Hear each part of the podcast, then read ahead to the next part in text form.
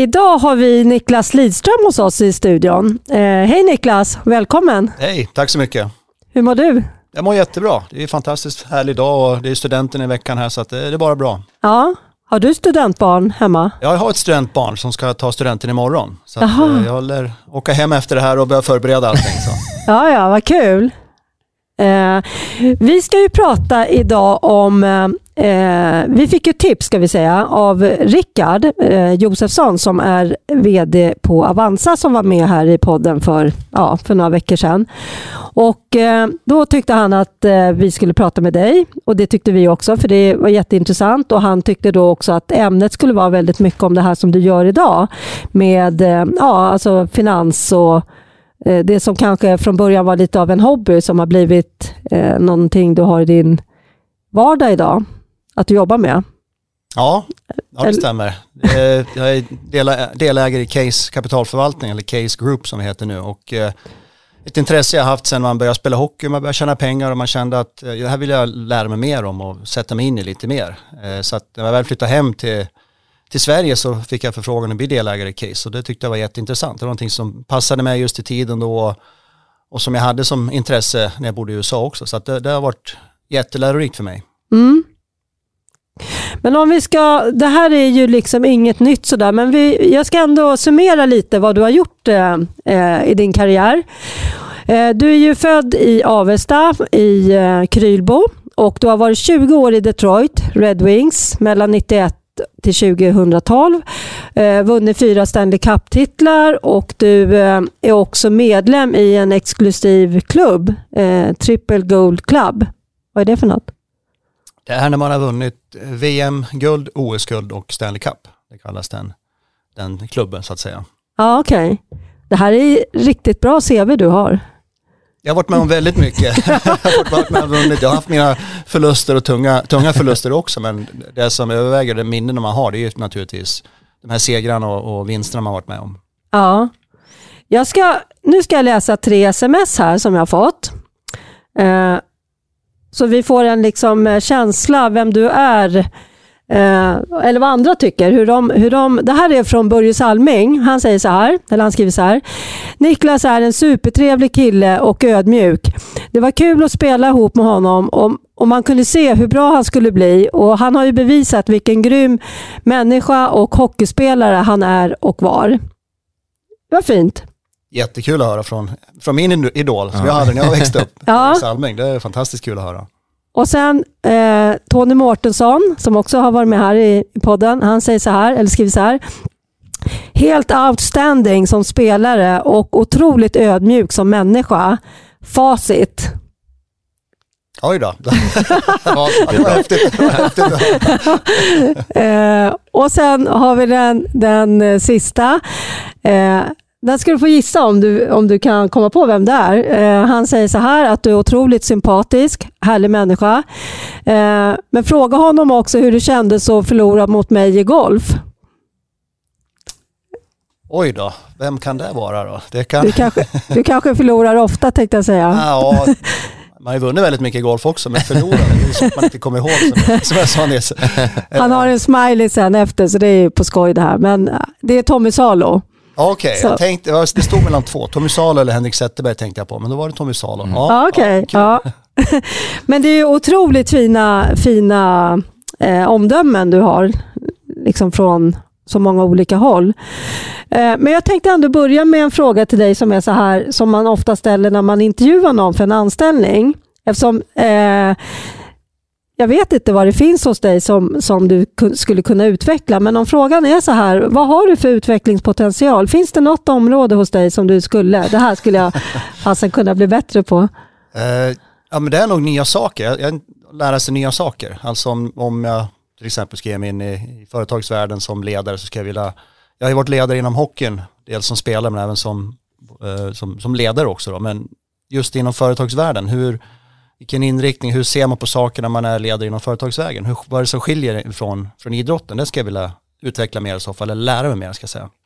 Och hur gör du det då?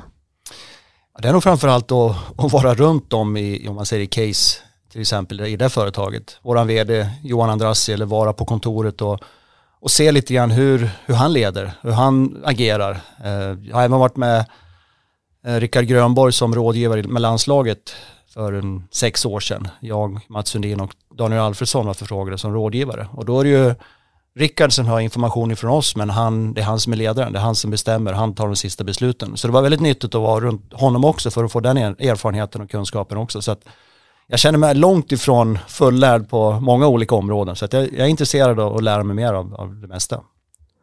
Vad har du sett för skillnad hittills då? Mellan idrotts... det är ju egentligen hockeytränare som vi pratar om, som du har sett eller, och jämfört med företagen.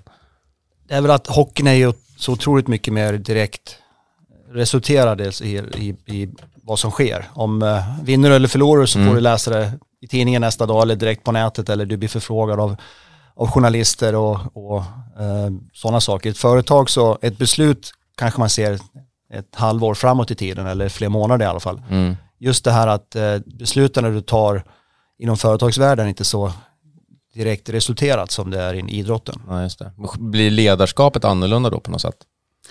det blir lite annorlunda. Mm. När man har växt upp i, i hockeyns värld som har varit väldigt macho. Det har varit väldigt, kan vara väldigt tufft och fortfarande är tufft. Ja. Det, Framförallt kanske under den tiden som du spelade, ja, under de 20 det, åren där borta. Ja det var det, absolut. Ja. Och, och ledar, eh, ledarna där borta har lite annan syn på saker och ting kan man säga också. Lite annan mentalitet i mm. hela, hela Nordamerika jämfört med i Sverige till exempel. Så det skiljer åt också att man är, man kan vara lite, lite hårdare. Eh, man tar inte in eh, man frågar inte om åsikter lika mycket där borta som man gör här hemma till exempel. Det är mer en dialog och man kanske vill ha hjälp på ett annat sätt som ledare i Sverige i alla fall. Jämfört med Nordamerika. Det är mm. någonting som jag har, har sett väldigt mycket. Och det är, mer, är det lite mer så i företagsvärlden? Alltså det är lite mjukare? Det är lite mjukare tycker jag. Mm. Där är, det, samtidigt så är det ju en som är chef, det är en som bestämmer. Ah, Men det är, det är, lite, det blir lite mjukare på något sätt. Mm. Man kan inte ha den här hårda tongången som kan vara ett omklädningsrum. Där det kan skällas och man kan bli nedskälld. Sånt Nej. ser man väldigt sällan på ett företag. Eh, ja, då ska någon ha gjort något ja, jäkligt dåligt. Ja, då är det något riktigt stilla som har hänt. Ja. Men i hockeyn kan det ju ske efter... en felpass. Ja, eller, eller två dåliga perioder som, ja. som vill tränaren väcka upp laget eller ja, göra någonting exakt. för att få en förändring. Och det ser man sällan i, i affärsvärlden eller ja, i ett företag. Det är sällan nu att den hårda jargongen råder på kontoret. Men ibland är det väl också lite så här väl primitivt i hockeyns värld, är det inte det? Liksom att man liksom man svär och det är liksom ganska jo, det är, låg det, nivå. Ja, eller? det är en, en hård jargong. Det är det. det. Den har förbättrats kan jag säga. Mycket från, vi pratade om när jag kom dit i NHL framförallt i början på 90-talet men jargongen till viss del finns kvar fortfarande. Det är ju också resultatbaserat, det är en väldig press på, på tränarna naturligtvis och även spelarna också. Men jargongen har blivit lite mjukare tycker jag. Men det, det är ändå en, en, en, tuff miljö att vara och verka i. Det är ju väldigt, det är väldigt hård utslagning också. Mm. Platsar du inte så får du inte vara med. Eller då tar vi in en annan. Mm. Eller är du en, en dålig person i gruppen så, så tar vi bort det och tar dit en annan. Så det är väldigt, väldigt tuff miljö på så sätt också. Men blir det inte också, jag tänker det är ju ändå mycket ekonomi i det där. Eh, och det, jag tänker det är det ju även i företagandet, sådär, liksom man ska ha ännu mer vinst och sådär. Liksom. Och då blir det ju ändå ganska tufft. Jag tänker med aktier, de, de påverkas ju av om någon gör något korkat i, i den ledningen eller sådär. Eh, eller hur? Jag, jag, tänker högt nu bara. Mm. Alltså det är inte bara så här då, eh, att man kan vara att saker bara ramlar på. Liksom. Nej, så är det absolut. Det, det tas ju tuffa beslut inom i affärsvärlden också, inom företag också. Men inte på lika, på lika sätt tror jag. Nej. Om du ser på toppen där, så att det finns ju vd som får sparken för att de gör ett dåligt jobb inom, i företagsvärlden också, som en spelare eller en tränare gör dåligt jobb eller i, någon anledning att inte få vara kvar. Mm. Det förekommer ju även eh, högt upp också. Men jag tänkte lite mer generellt om man ser på alla medarbetare i ett, i ett företag, så mm. är det väldigt sällan man man ser de här uh, utskällningarna eller något sånt. Men, men det är klart, i toppen där, det, där man ska prestera i ett företag också, där är det ju, kan det blåsa hårt också. Mm. För ni har ingen så här HR-avdelning direkt i ett sånt där hockeylag som Detroit? Nej, det finns inte på den nivån. Det, det går jag till HR. Ja, gör det. Då ringer, man, då ringer de spelare sin agent och det går genom agenten till sportchefen eller general managern mm. eller tränaren också. Så att eh, Nej, någon HR. Det finns ett HR inom Red Wings, Detroit Red Wings finns det men de är ju för de anställda, inte för de hockeyspelarna så att Nej. säga. Är det något som du tycker att det skulle behöva, eller att det skulle kunna finnas en sån funktion som är, om vi säger lite HR sådär? Värnar om människan. Jag tror inte att det skulle skada faktiskt, det tror jag inte. Men sen finns det också det här aspekten, vi pratar lite om, om ekonomi och resultat och allt sånt där. Det är ju, där hänger det på också att man måste prestera hela tiden. Men om man tar bort den delen, om man ser bara den, den mänskliga delen så att säga, så tror jag att det skulle hjälpa att ha en, en, en sån avdelning också.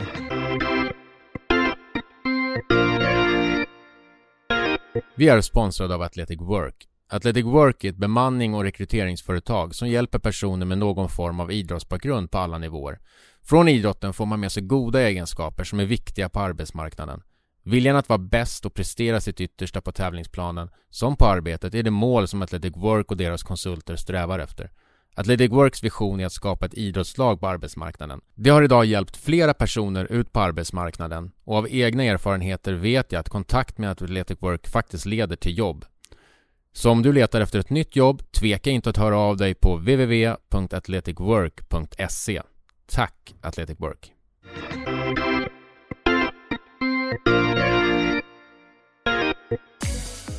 Att livesända hockey ska vara för alla, oavsett nivå.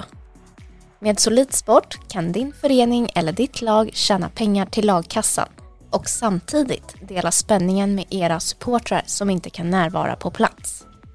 Över 500 hockeylag sänder redan sina matcher hos oss. Det är enkelt, kostnadsfritt och ni får en anpassad scoreboard. Så vad väntar du på? Skapa en kanal på solidsport.com.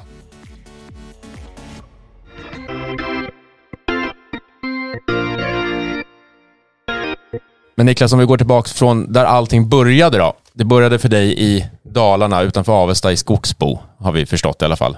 Ja, det stämmer. Varför började du spela hockey då? Eh, egentligen var det min kusin som var två år äldre som höll på att spela hockey. Vi, vi lilla landhockey ute på gatan, tyckte det var jättekul och sen, han hade en hockeyträning så att jag fick låna några skridskor och hängde med på mm. hockeyträningen. Det var så det började. Och fatta tycke direkt, tyckte det var skitkul att hålla på med hockey. Och det växte och blev bara roligare och roligare. Jag spelade fotboll på sommaren också fram tills jag var 15. Prova spela basket två säsonger som är ju samtidigt som hockeysäsongen. Så jag provade mm. andra sporter också men, men hockey var det jag fastnade för. Så det började Skogsbo på en, en uterink, naturis där man själv fick skotta efter träningarna, fick man skotta mm. innan ismaskin kom ut. Det eh, så det var den härliga, den mm. härliga tiden. Nej, och sen gick du till Avesta då antar jag eller? Som ja, sen eh, jag skulle bli A-pojk som 14-åring flyttade till Avesta som är stora klubben i, i mm. stan mm. så att säga, mm. Avesta BK. Så där spelade jag två säsonger och det var väl då dels kom jag i TV-pucken eh, men även kände att jag vill eh, försöka komma in på ett eh, hockeygymnasium någonstans, mm. söka mm. hockeygymnasium. Mm. Så att det var den vägen jag ville gå. Och eh, i och med att man är från Dalarna så är ju Leksand väldigt nära till hans och Leksands eh, hockeygymnasium eh, funderar på att söka till. Men den utbildning jag gick fanns inte då i Leksand utan den fanns bara i Borlänge. Och då ska jag få mm. pendla däremellan och då kände jag att nej men då, det vill jag inte göra. Det är trots allt lite över fyra mil. Mm. Eh, pendla där varje dag. Så då, då sökte jag till Västerås istället och kom in där. Mm. Men på den tiden var ju inte hockeygymnasium vad det är idag ju. Eller då var det inte så många att välja på. Det kan inte varit så många platser liksom, i Nej. hela landet. Utan... Nej, jag tror det var, då var det ju Riks, Riksgymnasium heter mm. det Och då var det väl, kan det ha varit sju, åtta stycken kanske mm. i, i, Sverige då. Mm. Så det var inte många alls som som det är idag jämfört Nej. idag. Men det var inte alls många hockeygymnasium som fanns då. Nej. Men du kände, eller hade du fått bekräftelse via exempelvis TV-pucken och så att ah, men jag är fan rätt bra på det här? Eller? Ja, det var dels att man kom med i TV-pucken eh, som var en jättekul turnering att spela i. Mm. Eh, jag kom även, blev även uttagen då på ett breddläger. De brukar ha fyra breddläger som landslaget har. Eh, och sen bantas den ner till två elitläger och sen blir det ett, ett pojklandslag. Men jag var inte duktig nog att, att gå hela vägen, men jag, jag, hamnade då i det här breddlägret och kände mm. att ja, jag vill ge hockeyn en chans. Jag vill se hur duktig jag kan bli. Och sen jag hade hela tiden i baktanken att men funkar det inte så ska jag, jag kan flytta hem till Avesta igen eller ja. jag kan eh, bara spela på den nivå som jag når, men jag vill ändå göra en chans känner mm. jag. Mm. Hur bra var, du sa ju sig, då kom du till det här första breddlägret, så då är det ju ändå, vilket jag ändå tycker är intressant, du var ju inte topp, topp i landet i alla fall när du är 15-16 då? Nej, absolut inte. Nej. nej, absolut inte. Och jag kom inte heller med året efter då som första års junior kom jag inte med i något juniorlandslag heller utan eh, jag tyckte det var skitkul att spela hockey men, mm. men och vi slutade att jag ville spela i landslaget men så bra var jag inte då. Jag var Nej. lite av en, en late bloomer. Jag var inte någon stjärna direkt i TV-pucken. Jag, var inte, jag spelade inte i, i högsta divisionen som 16-åring men, men året därpå, då tog min karriär fart. Som, mm. som andra junior, då tog min karriär verkligen fart. Mm. Upp, var det någon, nu lever ju jag i den här vardagen med juniorer varje dag och, sådär, och, och runt TV-puck och sådär och man pratar mycket med föräldrar och det är ju en stressig, eller var stressen, det, det blir massa olika faktorer såklart vad det som gör att både spelare och föräldrar känner stress och även föreningar känner ju stress. Ja. Men det, det upplevdes inte på samma sätt då va? Eller? Nej, jag upplevde det inte alls. Liksom. Det var lite lugnare då. Dels var föräldrarna överlag var inte lika engagerade. Nej. Nu vet jag som, som själv har varit ungdomsledare att många föräldrar sitter och tittar på träningarna. De är där och vill, vill se och följa sina barn. Mm. Det gjorde nästan ingen när jag växte upp. Det var inga föräldrar som var där. De har släppt av sina barn och, åkte, och kom och hämtade dem efter träningen. Så mm. det här engagemanget är oerhört mycket större idag än vad det var då. Mm, på gott och ont? Ja, på gott och ont mm. ska man säga. Eh, även eh, när jag sökte till, till hockeygymnasiet så var det inte alls den här jag kände ingen stress eller att mina föräldrar kände sig stressade, att man pratar mycket med, med, med andra klubbar och så. Det, det fanns helt, helt enkelt inte. Nej. Det fanns bara de här antal eh, hockeygymnasierna. Så att den, den stressen var, existerade inte överhuvudtaget då på den tiden. Nej. Så du gnuggade på i Västerås jag juniorer? På. Ja, jag gnuggade på i, i Viks juniorer. Spelade bara BJ, alltså J18 första året. Ja. Tränade någon gång med J20 som då är två, tre år äldre men, men Spelade bara matcher med, med J18. Andra året så tog jag plats i J20 och då tog min karriär fart på riktigt. Då fick jag börja med A-laget, spela någon A-lags, någon träningsmatch med A-laget runt jul där Västerås, eller Vik gick upp då i, i dåvarande elitserien på hösten, eller på våren där. Då fick jag också vara med och spela olika playoff innan jag åkte iväg med, med juniorlandslaget och spela junior-EM. Men just då andra säsongen som juniorspelare, då mm. tog det verkligen fart. Jag fick jag kliva upp med A-laget och tränade mer och mer, fick chansen att spela matcher där. Så det var nog den säsongen som det verkligen tog fart för mig. Mm. Det kan ju bli sådär helt plötsligt för någon bara, att det exploderar. Ja, nästan, så nästan som att jag vet, poletten föll ner på något ja, sätt. Att ja. man, man kom underfund med hur man skulle spela, hur man skulle agera. Man blev starkare eller större, man växte in i kroppen. Allt, alla de här bitarna föll på plats för mig helt enkelt. Mm. Vilken typ av spelare var det då, då? Om du jämför, för vi andra, vi känner ju till vilken typ av spelare var där borta, eller så, så under alla år i Detroit. Tänker i alla fall att de flesta har, har en bild av. Hur var du som juniorspelare? Jag var nog sedd som en mer offensiv spelare. Uh, jag kunde vara, åka med upp i anfallen, var väldigt offensiv, ville, ville bidra offensivt hela tiden. Det var nog när jag kom upp i A-laget där man insåg att man ska spela i elitserien då, eller SHL som det heter idag, så måste jag vara bättre defensivt, ja, ja. annars kommer inte jag få spela någonting, annars får inte jag lira. Så det var ja. då man, kände, men, men som juniorspelare var det mera lite grann tuta och köra och, mm. och kul att lira hockey och hänga med upp i anfallen och göra mål och sånt där. Allt de, alla de delarna. Ja. det där är spännande. Så då föll det på plats där. Och sen draft, ja. någon gång lite senare. Så mitt andra år så fick jag då vara med A-laget lite grann. Tredje året, då var det ju första års J20-spelare då, eller mm. A-juniorspelare, så mm. jag, har jag plats i A-laget. Eh, Vik spelar nu i elitserien då och eh, det går bra för mig. Jag får med och spela hela tiden, spela alla matcher och det funkar väldigt bra. Så den, eh, efter den säsongen och den sommaren, då visste jag att jag hade stor chans att bli draftad. Detroit Red Wings hade varit och kollat på mig ganska mycket. Eh, Christer Rockström som jobbar som scout för klubben då hade varit och kollat ganska mycket på mig visste jag. Så mm. det var, eh, jag visste att de, de, hade ögonen på mig i alla fall. Eh, tanken var att jag skulle få åka över på draften också. Jag hade, under den här tiden hade jag skaffat en agent från Kanada som bjöd över mig på draften. Han ville att jag skulle vara där. Det är en väldigt stor händelse, mm. själva draften. Det är live, direkt sänt på tv, det är fullsatt i en arena och spelarna får gå upp på scen och, och sådana saker. Så att, eh, jag såg väldigt mycket fram emot det. Men Tre veckor innan så sa Red Wings ifrån, de ville inte att jag skulle vara på plats. Ifall att någon annat lag skulle se att jag var där. För jag var ju lite mm. grann late bloomer, uh li, flög lite under radarn. Det var inte, Mats Sundin blev draftad som nummer ett overall den säsongen. Mm. Och jag var inte alls på den nivån eller den kalibern. Så jag flög lite under radarn. Så jag missade att vara på själva draften. Men jag blev tillsagd att hålla mig hemma en, en lördagkväll och sitta framför telefon ifall att jag skulle bli draftad och få uh det här samtalet. Så mm. att, eh, det kom till slut. De ja. ringde där på kvällen och, och gratulerade, pratade med både general manager och assisterande general manager. Och och gratulera att man har tagit plats, eller blivit draftad Mm. av Detroit. Mm. Inte tagit plats, det var Nej, nästan. det, var, det var en bit kvar. Ja. Men det här var- måste varit ditt, om du gick samma år som Sundin, för han är ett år yngre än vad du är, eller hur? ja.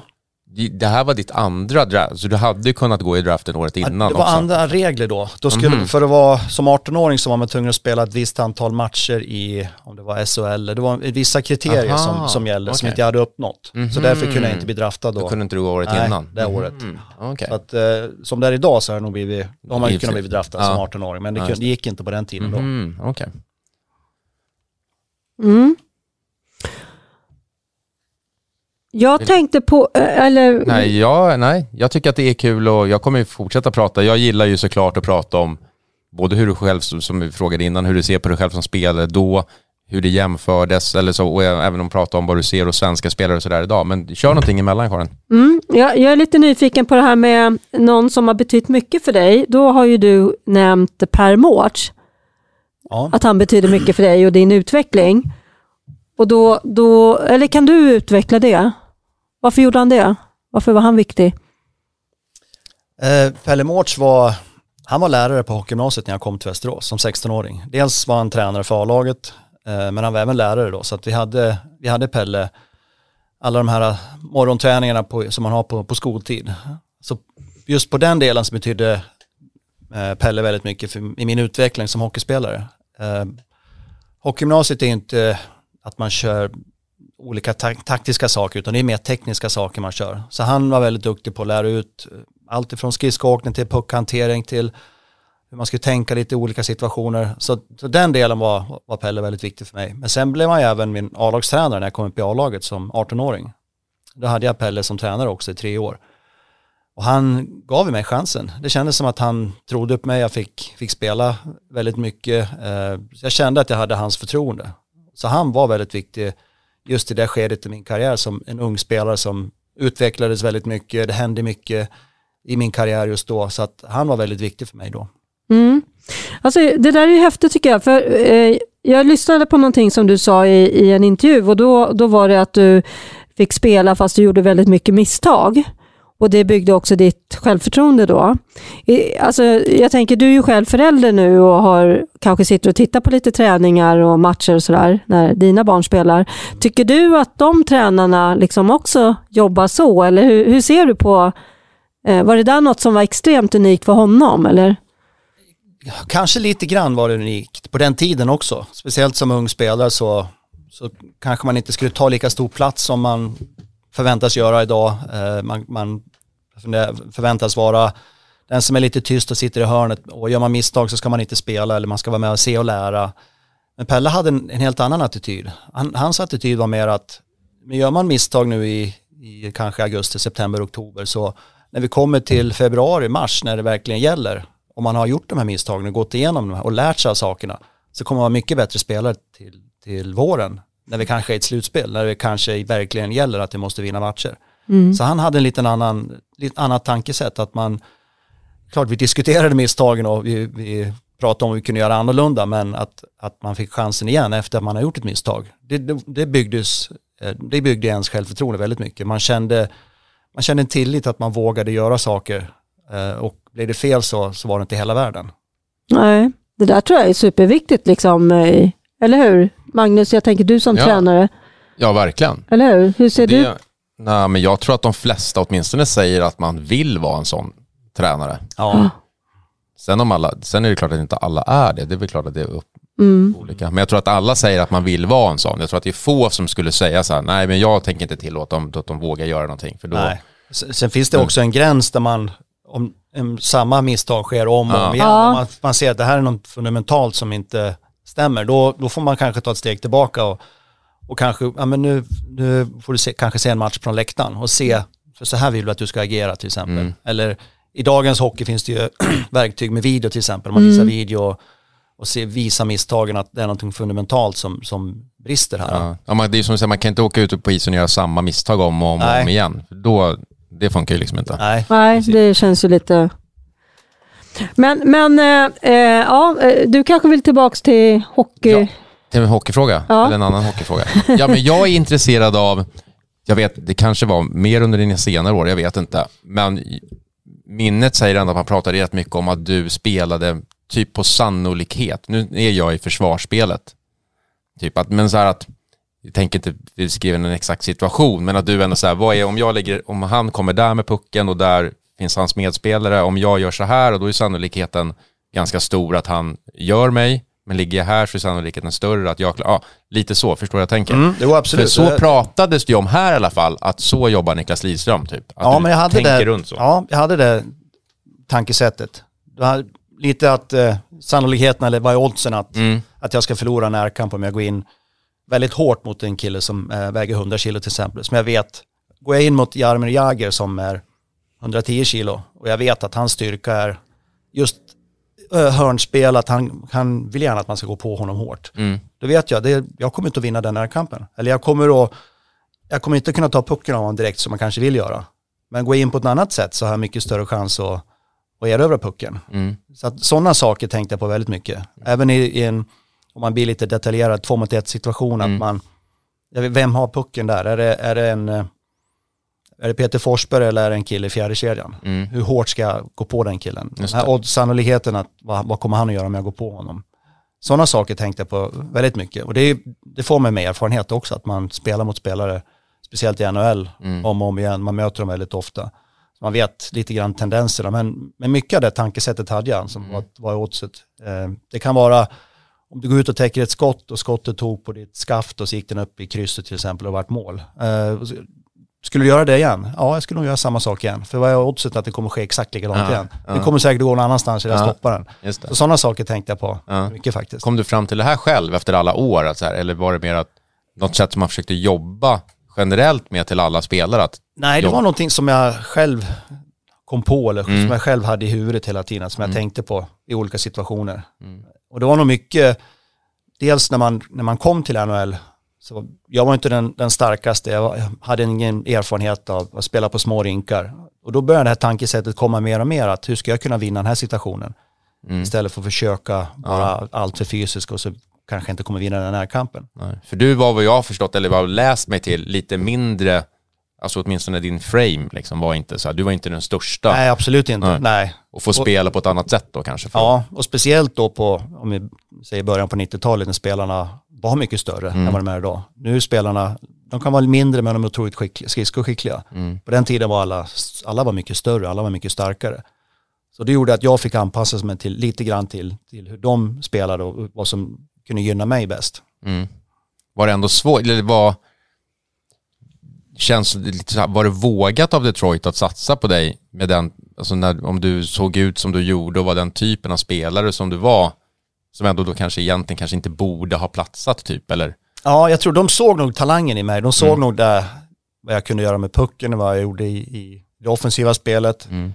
Men de, de var också på mig väldigt mycket att det var viktigt att jag skulle gå upp i vikt. Att jag skulle bli starkare, att jag skulle bli som de alla andra spelarna. Ja. Alltså bli, bli, lägga på mig muskler och eh, så jag vägde nog lite över kanske 82 kilo när jag kom dit.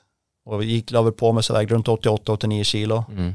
Så att det var ju för att man byggde på sig muskler och man tränade på ett annat sätt. Man, man blev ju äldre också naturligtvis. Eh, men just det här att deras fokus var väldigt mycket i början att, att jag skulle vara, bli, bli större och starkare. Men sen vart jag nominerad till Årets Rookie efter första året. Mm. Och då var det precis som att, ja, ja men det kanske går att, att lira som, som du Ja, gör med din kanske- kropp ändå. Då. Blev det ett bevis. Ja. Du var ju smartare då, eh, kanske också. Ja, men jag, fick nog, jag, fick nog vara, jag fick lov att vara det för att Ja. jag inte var lika stark som de andra spelarna. Att jag inte hade den, den förmågan att till exempel det fysiska spelet som, som var en omställning för mig när jag först kom över. Det, blir, det är en väldigt annorlunda spel. Även på, eh, framförallt på den tiden då i NHL. Mm. Mm. Jag kör det, jag eh, tar hockeypaus. Jaha, du tog en hockeypaus. Eh, ja, men jag, jag är lite nyfiken på det här med eh, eh, det här med press och krav som du har pratat om, eller berättat om i ditt sommarprat faktiskt. Eh, och hur du, hur du hanterar det. Alltså, jag fick en känsla av när jag lyssnade på det där, att det där liksom, det fanns inte så mycket i början, utan det kom smygande i takt med att framgångarna kom. Är det liksom Ja, så? det Eller? kan man säga. Och dels när man blev, ja, när man blev bättre också, när folk började känna igen en, och man, ens, eh, eller förväntningarna blev högre från alla, från omgivningen, från, från media, från fans. Då, det, då får man ju mer press också. I början så tyckte alla att den där killen var jätteduktig, då har man ingen press direkt. Men helt plötsligt är det förväntat då att göra det, match ut och match in. Och då blir det ju en press som byggs upp. Och framförallt när man kommer till ett slutspel när det handlar om utslagning. Så när pressen, den kom nog mer och mer lite, ja, ju äldre man blev och ju mer etablerad man blev när man, man förväntar sig att, att spela på ett visst sätt hela tiden. Men, men hade du, jag tänker, var, var, var det så här självklart att man tog hjälp av någon och snackade liksom hur man mådde och sådär? Eller var det något som du fick också hitta en egen väg då? Hur? Ja, vi hade en i mitt första år, det kan ha varit andra året, i Detroit så hade vi en, en inte en psykolog, men en som man kunde prata med i alla fall om om man kände press eller stress eller just eh, hur man skulle hantera olika situationer om det var framförallt inför ett slutspel. Och det han, han satt ju ner en och en med, med alla spelare och det, han, det jag fatta tycker för mycket det var just hans, han pratade om andningsteknik, att hur man ska andas för att få ner sin puls eller känna lite mer inre lugn inför viktiga matcher. Och den, det anammar jag väldigt mycket. Eh, det handlar inte om att ta djupa andetag och känna att axlarna åker ner för varje gång du blåser ut och känna att du slappnar av och, och tänka mer än, inte de här ah, måste-tankarna, att nu måste jag spela bra, utan mer vad kul det ska bli att gå ut och spela, mer, skapa mer positiva tankar i huvudet. Och det, var, det hjälpte han med jättemycket med faktiskt. Just de här att göra någonting som jag verkligen ser fram emot att göra och inte känna att, att en otrolig press, att nu sitter 20 000 ute på läktarna och jag får inte göra några misstag. Jag, jag vände det till någonting, fasen vad kul det ska vi gå ut och spela inför 20 000. Mm. Den här positiva känslan. Samtidigt som jag, an, jag använde den här andningstekniken som gjorde att, att jag, man gick ner i varv, man kände att man var mer, hade mer kontroll under situationen, eller i situationen. Mm. Så att just den delen hjälpte han mig väldigt mycket med. Jag blir ju nyfiken också, eftersom du har ju barn som spelar hockey. Du har fyra grabbar. Ja, fyra grabbar. Har alla fyra spelat hockey? Eller? Ja, en eh, äldsta har slutat. Han har varit assisterande tränare den här vintern, men de andra tre spelar fortfarande. Och då blir man ju nyfiken så här, alltså är det här något som du kan liksom hjälpa dem med och hur, hur de kan tänka? Och, eller liksom är det så här, nej men farsan lägger ner, liksom, det här fixar jag eller? Nej men de har kommit till mig mer och mer faktiskt. Nu är de, en, eh, nästa äldsta är 26 och den yngsta nu ska ju ta studenten, han blir 19 till hösten. Så att de är ju lite äldre men i början när, jag, när min första son började spela, då var man väldigt engagerad och på, ville hjälpa till. Men jag kände ganska snabbt att jag är ju bara en pappa egentligen.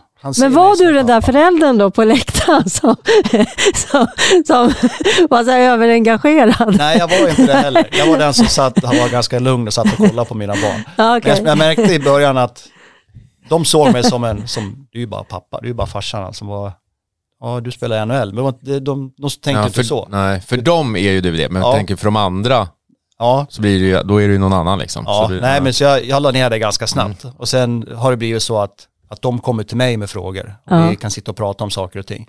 Så jag märkte ganska snabbt att det, det går inte att hålla på och försöka trycka på dem massa saker, säga vad jag tycker och sånt där, utan de, de får komma till mig och prata. Och nu har vi jättebra alltså, diskussioner om, om hockey, där de kommer till mig och, och ja, men olika situationer, min yngsta son är back till exempel, så han pratar mycket om hur skulle jag agerat där, vad tycker du att jag ska ha gjort där och vad hade du gjort? Och så, sådana situationer pratar vi om. Så nu, det, det blev en jättebra dialog med mina barn om just sådana saker. Så jag har aldrig varit den här skrikiga föräldern som man kan se på läktaren eller som är jätteengagerad på så sätt. Utan, och sen är väl en annan sak, jag har ju växt upp i den här miljön. Jag vet ju, jag vet hur barnen känner sig. Jag kommer ihåg när jag var liten, alltså, när, när man hade, känner press eller så. Även när de blir lite äldre också. Jag vet liksom hur hett det kan bli i ett omklädningsrum eller på isen eller i båset. Så jag har blivit den här lugna, jag är en lugn förälder som sitter och observerar och kollar på matchen bara.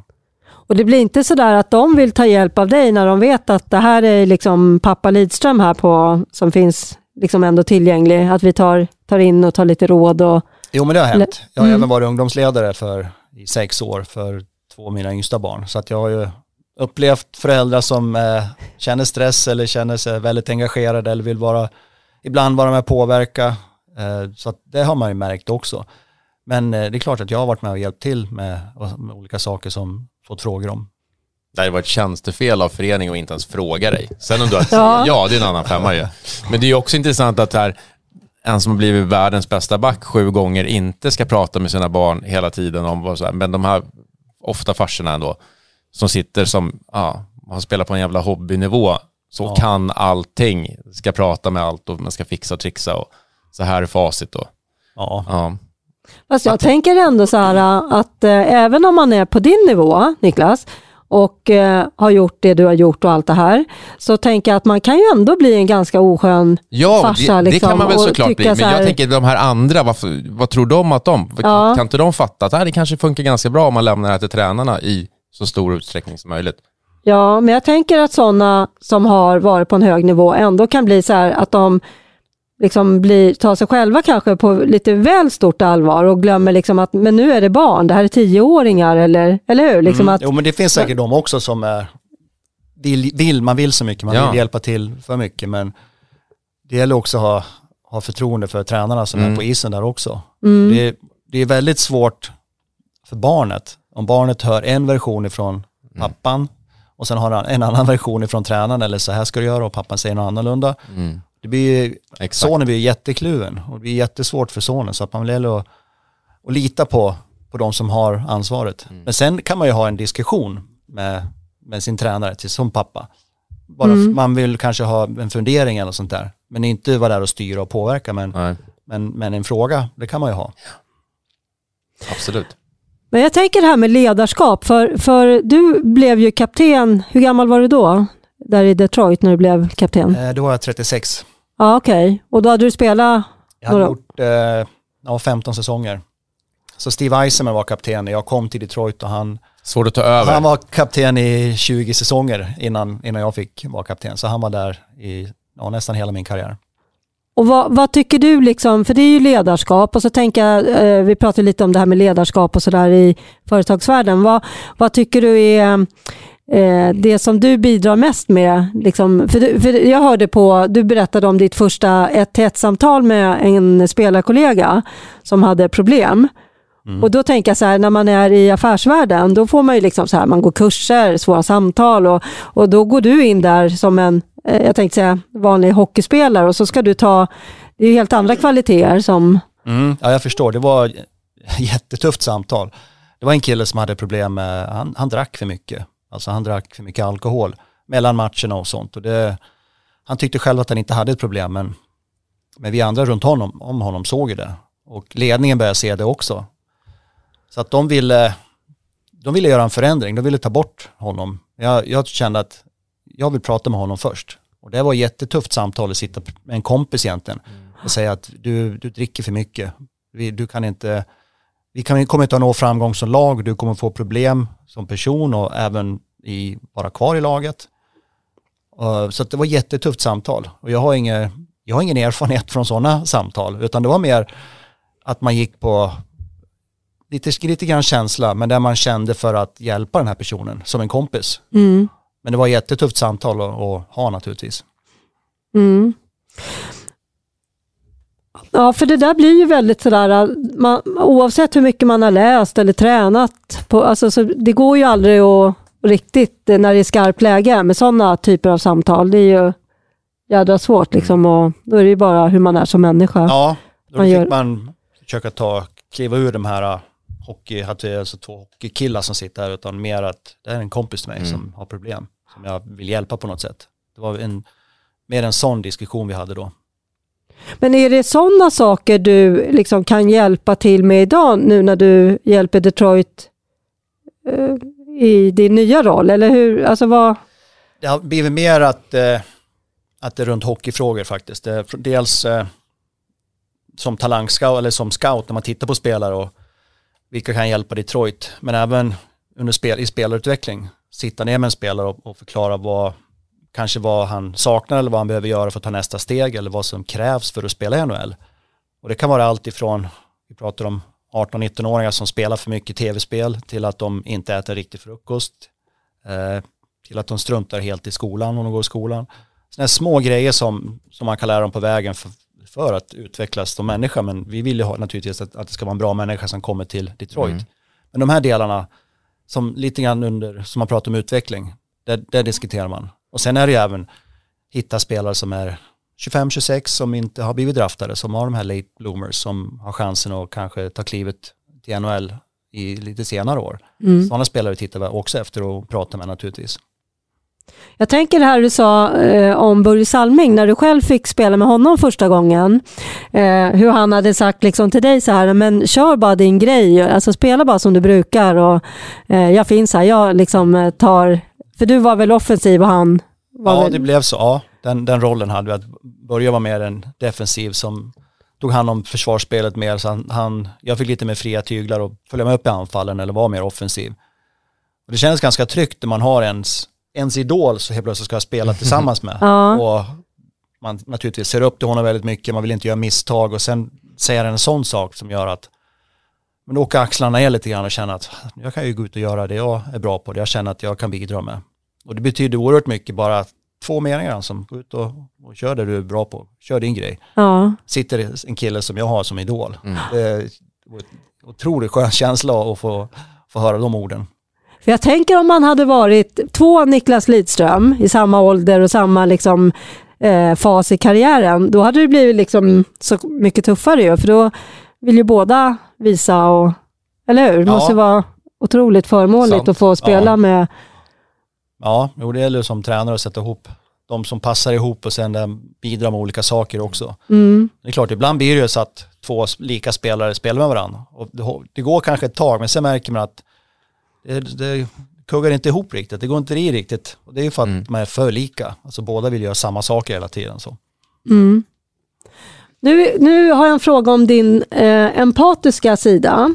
För eh, du sa också så här att du blev, nu måste jag läsa vad du sa, du sa att du blev förbannad, besviken och ledsen över det som hände i, i OS där 2002. Mm. Eh, för att man riktar så mycket kritik mot en, en individ. Ja. Eh, och då, ja, alltså vad, vad gjorde du då av det där? Liksom? Tog, du, tog du honom i försvar eller liksom stod du upp? Eller var, var det bara din känsla du beskrev i det där? Eller?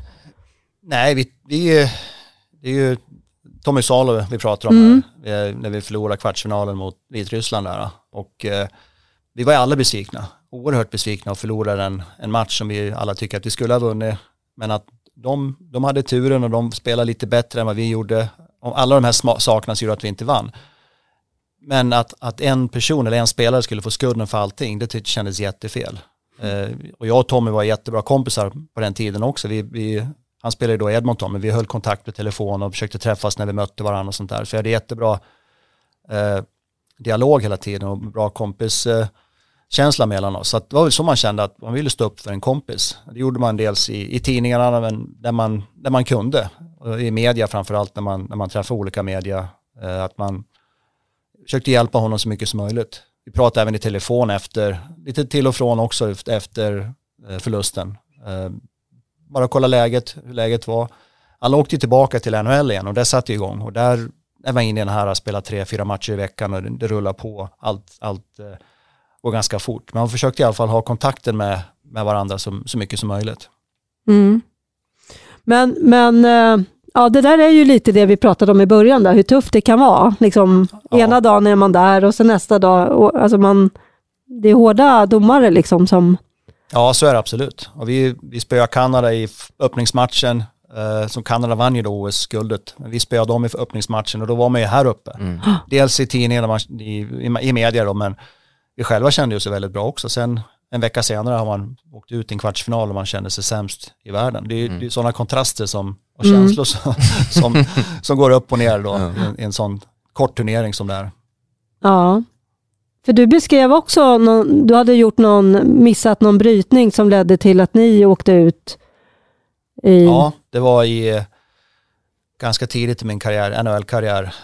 Eh, Det vart en sjunde avgörande match mot Toronto och den gick till overtime. Och eh, det kom ett skott ifrån backen och, och killen som jag skulle då markera, eh, han styrde in pucken. Och det var någonting som jag lärde mig då, som, som är som har lärt alla, lärt mig när jag fortsatte att spela, men även alla barn som jag har, har försökt lära under åren att man måste lyfta klubban, ta bort klubban. Mm, mm. Det är någonting som sitter kvar. Och det gjorde inte jag på den, gång, den gången. Och då styrde de in, han styrde in pucken. Det var ju overtime, matchen är slut, de vann, slog ut oss i slutspelet. Och jag kände att det var ju mitt fel. Så det var en viktig läropeng. Det var väldigt jobbigt just då men man lärde sig väldigt mycket efter det också. Ja, för fasen. Alltså då kan jag tänka mig att det blir sådär, det här, ingen säger något, men alla vet ju att eh, synd att du missar ja. den där grejen. Ja, och det är den känslan man har i, kroppen ja. också. Ja. ja. Titta på mig. Ja, den roll du har i Detroit idag, vad är det? Vad gör du för något? Eh, ja, titeln är ju Vice President of Hockey Operations. Och det är väldigt, väldigt brett. Mm. Det är väldigt brett också. Och det är allt från att titta på unga killar som ska bli draftade nu till om några veckor här, som vi har följt under säsongen, till eh, titta på de spelare som vi har draftat. Vi har några, Simon Edvinsson, en duktig back i Frölunda som, som ska åka över, Albert Johansson, en annan spelare. Så att vi, vi har spelare som är draftade som vi följer och, och träffar efter matcherna, diskuterar lite hur det har gått och skriver matchrapporter.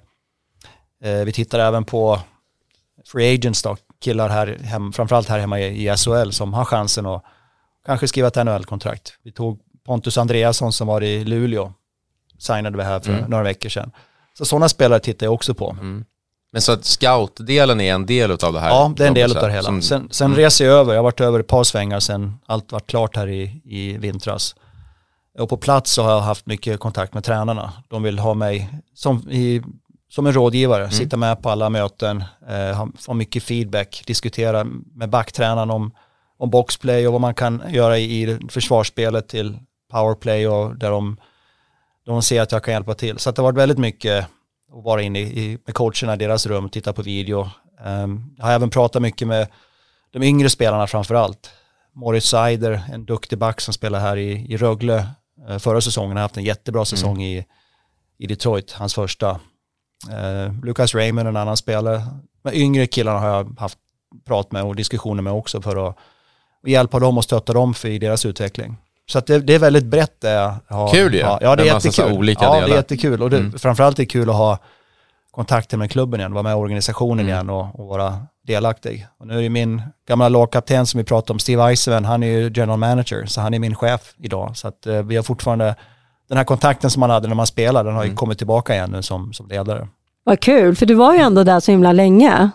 Alltså... Ja, ja, det är jättekul att, att vara tillbaka i organisationen och det känns lite grann som man, man kommer hem på något sätt, man åker dit. Vi bodde ju trots allt där i, i 21 år och var 21 när jag flyttade dit och 42 när jag flyttade hem, så nästan halva vuxna livet så bodde man, bodde man där. Så att, eh, det, det känns otroligt eh, inspirerande att vara tillbaka där igen.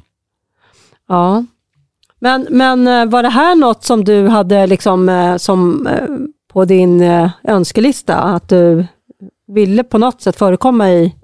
Inte, inte precis när jag slutade, då kände jag mig ganska klar med hockeyn. Jag var 42 år, hade spelade 20 år i NHL, jag kände mig ganska sliten i kroppen och det vart, det vart väldigt tungt på slutet. Tungt att förbereda sig inför en, en säsong, tungt att, vara redo varje match. Eh, killarna som man möter är, de är i 20-årsåldern och full av energi och här är jag 42 år som försöker hänga med de här yngre killarna. Så att det kände man också av.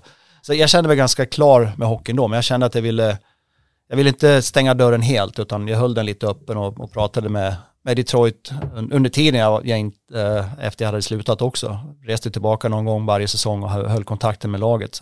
Så att jag stängde aldrig dörren riktigt. Och sen var det ett byte på management-sidan när Steve Eisenman kom in här.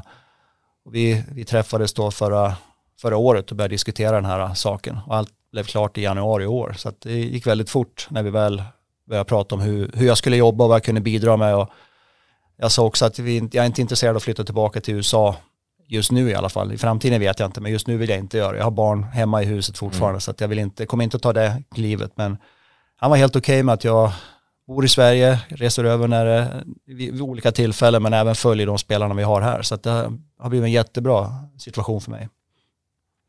Jag tänker så här, vad, vad behagligt så här, ha, det kan ju inte ha blivit som en anställningsintervju då, för ni känner varandra så väl. Så det... Nej, det var nog inte en sån vanlig anställningsintervju, det var det inte. Utan det var mer att hitta en roll som han kände att han fick nytta av mig och jag kände att jag kunde bidra på något sätt. Det var mer det vi pratade om än, än kanske att jag skulle försöka sälja in mig själv. För att han, jag visste att han ville att jag skulle börja jobba för klubben men det var mer att vilken inriktning och hur mm. ska det här arbetet eller arbetsbeskrivningen ser ut. Mm.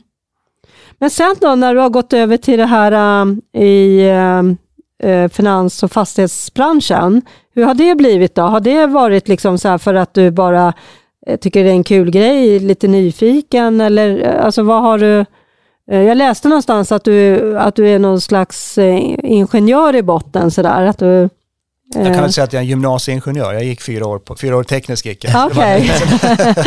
sen gjorde jag lumpen och sen åkte jag till USA, så det var inget mer än så. Men Nej. Jag hade grunden, om jag läst vidare hade jag kunnat bli ingenjör, men jag tror inte jag kan kalla mig ingenjör. Nej, okej. Okay. Men, men vad, liksom det här ekonomiska då, vad, hur kom det så att du lägger tid på det? Ja, det var nog dels eh, var intresserad av det. Dels när man börjar tjäna egna pengar, man flyttar till USA, man får man börjar tjäna egna pengar, att man ville vara mer insatt i var man ska investera pengarna. Jag hade ju rådgivare och agenter bortom som hjälpte mig med, med sådana här saker, men jag ville, jag ville vara mer insatt, jag ville förstå mer var, hur saker och ting fungerar helt enkelt. Så det var mycket egenintresse och sen, sen blev jag mer och mer intresserad av det hela också och kände att jag vill lära mig mer, jag vill förstå mer av det här. Och när vi flyttade hem då så dök möjligheten upp att bli delägare med Case. De, Stefan Edberg, gamla tennisspelaren, är också delägare. Mm. Och det började egentligen med att jag träffade Stefan för att diskutera hur han hade gjort när han flyttade hem. Han bodde ju i London då som när han spelade. Men, men hur anpassade sig han till det svenska samhället och hur allt fungerar i Sverige med sin, efter sin flytt hem. Så det var just den anledningen till att vi träffades och, och pratade. Och då kom vi in på det här med case. Och vi träffades igen och vi såg att vi hade ganska lika värderingar där det gällde dels investeringar men, men mycket annat också. Så att eh, på så sätt klickar och då, då fick jag erbjudande att bli delägare. Så att det har varit jättenyttigt för mig. Dels att jag är intresserad av det, men även att jag har skapat mycket nya kontakter också. Och är det här då för, även för vanliga liksom, eh, dödliga, tänkte jag säga, alltså som, som har en normal ekonomi? Absolut, Eller är det... vi, vi är egentligen ett, ett fondbolag, så vi har, vi har tre olika fonder. En aktiefond där man bara investerar i aktier i, i en annan är, två andra är räntefonder. Det är eh, företagsobligationer som man investerar i. Så det här är för gemene man. Där man kan köpa våra fonder genom sin egen bank. Så man behöver inte gå direkt mm. till oss utan man, man, genom sin egen bank så kan man hitta våra fonder på fondtorget. Så det, det är så vi jobbar. Så det, den är ute för, till allmänheten och, och investera i våra fonder. Så du följer börsen och? Ja, jag följer mm. börsen och följer vad som händer, försöker följa vad som händer i världen också. Så att, eh, jag är intresserad av det. Ja. Och hur, hur, hur hjälper du dina barn då liksom med, med sparande? Sådär? Har du någon? Ja, jag har väl börjat att försöka att, att de ska lägga undan en peng varje månad eller när de kan. Nu är mina, tre av mina barn är ju lite äldre, flyttar hemifrån, men vi har en som bor kvar hemma. Men även i, i yngre år att de försöker lägga undan någon peng varje månad för att eh, köpa i fonder och, och, tänka att om, det här kan ju växa. Om man inte behöver pengarna nu så kanske du behöver dem fem år eller tio år när du kanske ska ha en, en lägenhet eller en bil eller vad det nu må vara. Så att just att försöka lägga undan en, en peng varje månad är någonting som jag, jag har försökt få dem att göra och det har lyckats ganska bra. Ibland så Nej, jag har ju köpt den här grejen istället. Men det, det förstår jag. Men att, att, i alla fall att tankesättet att det är bra att börja mm. spara som ung. Mm. Och det, pengarna kommer ju att växa om du investerar och det blir ränta på ränta när, pengarna växer. Så, och när de, när de ser det själva, det är då de förstår också att de har gett lite grann den här tusenlappen har ju varit, blivit lite mer och sådana saker. Det märker man att de börjar få lite mer intresse för också. Men det är inte lätt så här att du bara så här, äh, strunt i det där, jag köper, säg vad du vill ha, jag köper det. Ja, men jag och min fru har det är klart vi gör sådana saker ibland också, men inte just att strunta i det, utan mer att vi vill ge våra barn saker också. Men vi har försökt haft sunda värderingar hela tiden, att de, de får hjälpa till med, med olika saker, då kan de få en peng för att göra det, men inte att man ska spendera hej, hej vilt och sen att vi bara köper saker åt dem. Det har vi, så har vi aldrig varit faktiskt. Så både jag och min fru har försökt haft de rätta värderingarna hela tiden för våra barn också, att det inte ska, allt är inte så lätt på att mamma och pappa ska betala allting, utan det det krävs arbete för att göra någonting, en insats för att, för att få en slant. Eller vi kommer inte vara där och, och bara spendera och köpa saker åt er. Det är ju en del i utvecklingen också, att man känner att man gör något och så får mm. man, liksom, man jobbar ihop ja. till något eller sådär. Det är ju, ja. Mm. Så är det faktiskt. det gillar, för det gillar jag när, vi väl, när det kommer till hockey också, att man faktiskt inte bara får. Det är många som ska bara ha, och jag ska upp där, eller jag ska ha där, jag ska få speltid där. Så här. Ja. ja. Det är inte bara allt, du ska också faktiskt visa att du ska ha det här som du vill Ja. ha. Inte bara. Ja, en del Så som det- känner att de har mycket, mycket rättigheter då, Ja. men inte, inte några mycket skyldigheter. Nej, exakt. Att, och sen är det en viss kravbild det krävs vissa saker för att ta nästa steg. Mm. Precis. Vissa kanske inte har nått det, men de, de vill hoppa upp ett steg Ja. för att kompisen har Exakt. gjort det eller vad det nu må vara. Mm. Precis. Nej, det, det hänger ihop det också. Mm. Ja, det gör det faktiskt. Det tycker jag. Och när vi ändå pratar det så har vi, vi har ju äh, gett möjlighet till, till äh, lyssnare att ställa frågor innan och vi har betat av ganska många under samtalets gång. Men en har ändå lite grann med det här att göra och det är vad gjorde dig framgångsrik och bidrog till att du nådde så långt som du gjorde i så här, träning, mentalt, personlighet? Uh, ja, det är inte frågan. En annan fråga är så här, vad krävs för att bli proffs? Och då tänker jag att det kanske ändå hör ihop lite grann de två. Ja, dels tror jag att, att man, måste, man måste gilla det man gör. Det är någonting man säger, som man har sagt till Mm. alla barn som ungdomsledare, man måste tycka det är kul att komma och träna. Tycker man inte att det är kul så då kommer man inte orka hålla på så länge. Och speciellt när det blir 15-16 när, när träningsdosen ökar väldigt mycket. Så först, man måste gilla det man gör. Det har jag gjort. Jag har haft jättekul med hockey och älskar det fortfarande. Så passionen har jag alltid haft. Och sen har jag haft det här drivet, att jag vill, jag vill bli bättre. Jag var inte bäst som 13-åring, jag var inte bäst som 15-åring, 16-åring heller. Så jag har haft det här drivet att jag vill bli bättre. Och, och med den har jag haft en, en disciplin. Att ska jag åka och träna så de, då åker jag och tränar. Mm. Och det vet jag, det kommer mycket från mina föräldrar hur, hur de var med, mot mig också. När jag, ja, men idag är det ju fotbollsträning. Alla andra åker just fotbollsträningen. Då, då måste du åka dit. Det tar bara en, en timme så är det en och en halv sen är ni klar med träningen. Så att mina föräldrar har också in, in, vad ska man säga, fått in det i mitt huvud att ja, men, träna det gör man alltså. Man gör, det ska man göra, då får man Mm. spela matcherna också. Så det har, den här disciplinen har jag alltid haft. Och den, den får man ju ha ännu mer när man blir, när man blir äldre. Mm. När man blir lite långsammare, allt, man tar lite längre tid och blir, känna sig frisk och fräsch i kroppen. Den här disciplinen har jag alltid haft med mig hela tiden. Så att det är nog en kombination av de sakerna. Och min Mm. personlighet, det, är, det kommer nog från mina föräldrar. Att hur, hur, de har, min uppväxt har varit och allt, allt sånt. Mm. Men eh, det är väl de grejerna som, som jag kan tänka på. Det, och det hänger ihop väldigt mycket med när du ska ta nästa steg som, som hockeyspelare också. Talangen är en viss del, man måste ju ha en viss talang för att nå. Men det är inte bara talang. Jag har, jag har spelat med jättemånga spelare som har haft otrolig talang, alltså otroliga bolltalanger. Mm. Men de har inte haft drivet. Eller disciplinen. Nej, eller Nej. disciplinen. Mm. Eller hitta, ja, hitta Eller andra vad- saker mm. som är roligare. Ja, och det, är- det, det faller väl under disciplin. Men, Mm. så jag har sett dem som har varit mycket, mycket bättre än mig, men som inte har nått dit för att de har inte, de kanske inte ens vill, Vill, det heller. nej, nej det exakt. kan vara det också. Faktiskt. Ja, bra. Mm. Arbetsmoral. Mm. Vad hade du mer då? Nej, jag har inget mer. Det var ju, eh, vi har betat av dem innan. Jaha. under Samtalets Mm. gång. Så att, Har du någon fråga Niklas till oss? Jag är lite intresserad av era barn. Känner de en press? Hur gamla är de? ska vi gå in på den Karin? Nej, det vi inte. Nej, Hur är ni som förälder? Hur är ni på läktaren? Ja. men man tycker ju saker ibland. Alltså ibland, så är det ju. Liksom, det är ju ljug att sitta och säga att man tycker så här. Ja. Ja, alltså, jag, jag tänker det här med att, eh, att man säger så här, man måste våga och göra fel. Men det är ju inte lätt om man har ett ledarskap som inte tillåter det. Eller hur? Då ja, blir det nej. ju liksom Asplöv som går in på isen. Och, Ja.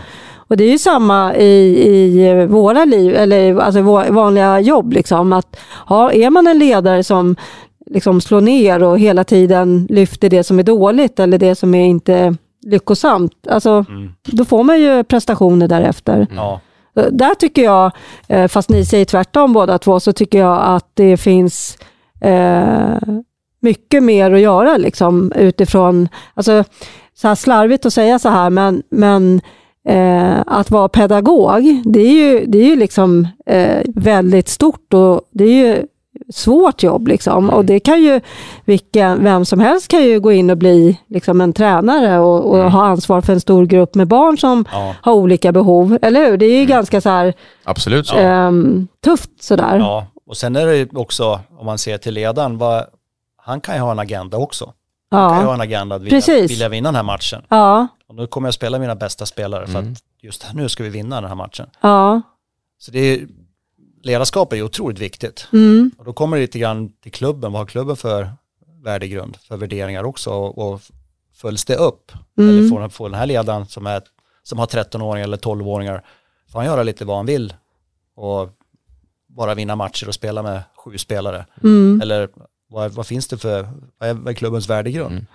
Så det är väldigt viktigt att det följs upp också i klubben.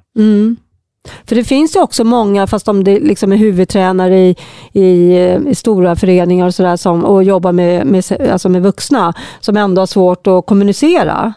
Och då är ju det, eller hur? Det är ju Ja. liksom inte så här självklart heller att man, bara för att man kanske är extremt duktig ehm, tränare, så är man duktig kommunikatör. Eller, eller hur? Det är ju, Mm. Nej, det, det stämmer helt. min, min första chef som jag hade på Hockeyförbundet, eh, Anders Holm, han var ansvarig på Postnord också. Han var en superklok person, eller är en klok person. Och han sa så här, oftast är det så här med tränare, är de väldigt duktiga tränare så är de ganska kassa på att prata. Och är de duktiga på att prata så är de ganska kassa på träningen. Jag vet inte, men liksom, det är svårt att hitta kombinationen Ja, en och samma. Så det, ja, det är intressant.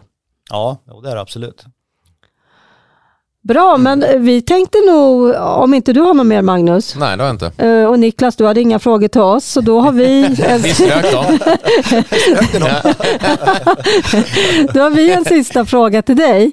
Och det är den här, eh, om du har något ämne eller någon person som du vill tipsa oss om, som du tycker vi bör ha med i podden. Ja, jag har tänkt lite grann och jag tycker det skulle vara intressant för lyssnarna att höra Johan Fransén, en hockeyspelare jag spelade ihop med i Detroit i många år, som eh, började i, i Detroit i fjärde kedjan, fick inte så mycket istid till att bli en, en stjärna i NHL, eh, som gjorde mycket mål och en spelare som man förlitade sig på tills att han åkte på en massa hjärnskakningar och var tvungen att lägga ner karriären. Så jag skulle vilja höra Johans resa. Jag är, jag är kompis med Johan så jag har ju pratat lite till och från med honom under, under årens gång men jag tror lyssnarna skulle tycka det var intressant att höra hans resa, hur han har tagit sig från eh, ung spelare i, i Småland till att gå hela vägen till NHL och, eh, och i, faktiskt fick sluta inte på egna premisser utan på grund av hjärnskakning. Mm. Superintressant ju. Mm, det är det verkligen. Både personen i fråga och, alltså, och ämnet. Liksom. Ja. Jäkligt bra. Det tar vi med oss. Mm. Det kommer du fixa Niklas, eller hur? Du, första du gör när du går härifrån, att ringa Johan. Johan du ska inställa dig på Ja. Måndag. Precis, ingen fråga, bara så här, säg tid och plats. Det här är skitbra. Ja, Vad kul. Ja. Jättetack Niklas för att du ville komma hit till oss här idag. Ja. Stort för oss ju. Ja, vad kul. Ja, tack själva. Ja, Och stort tack till er som har lyssnat. Vi hörs.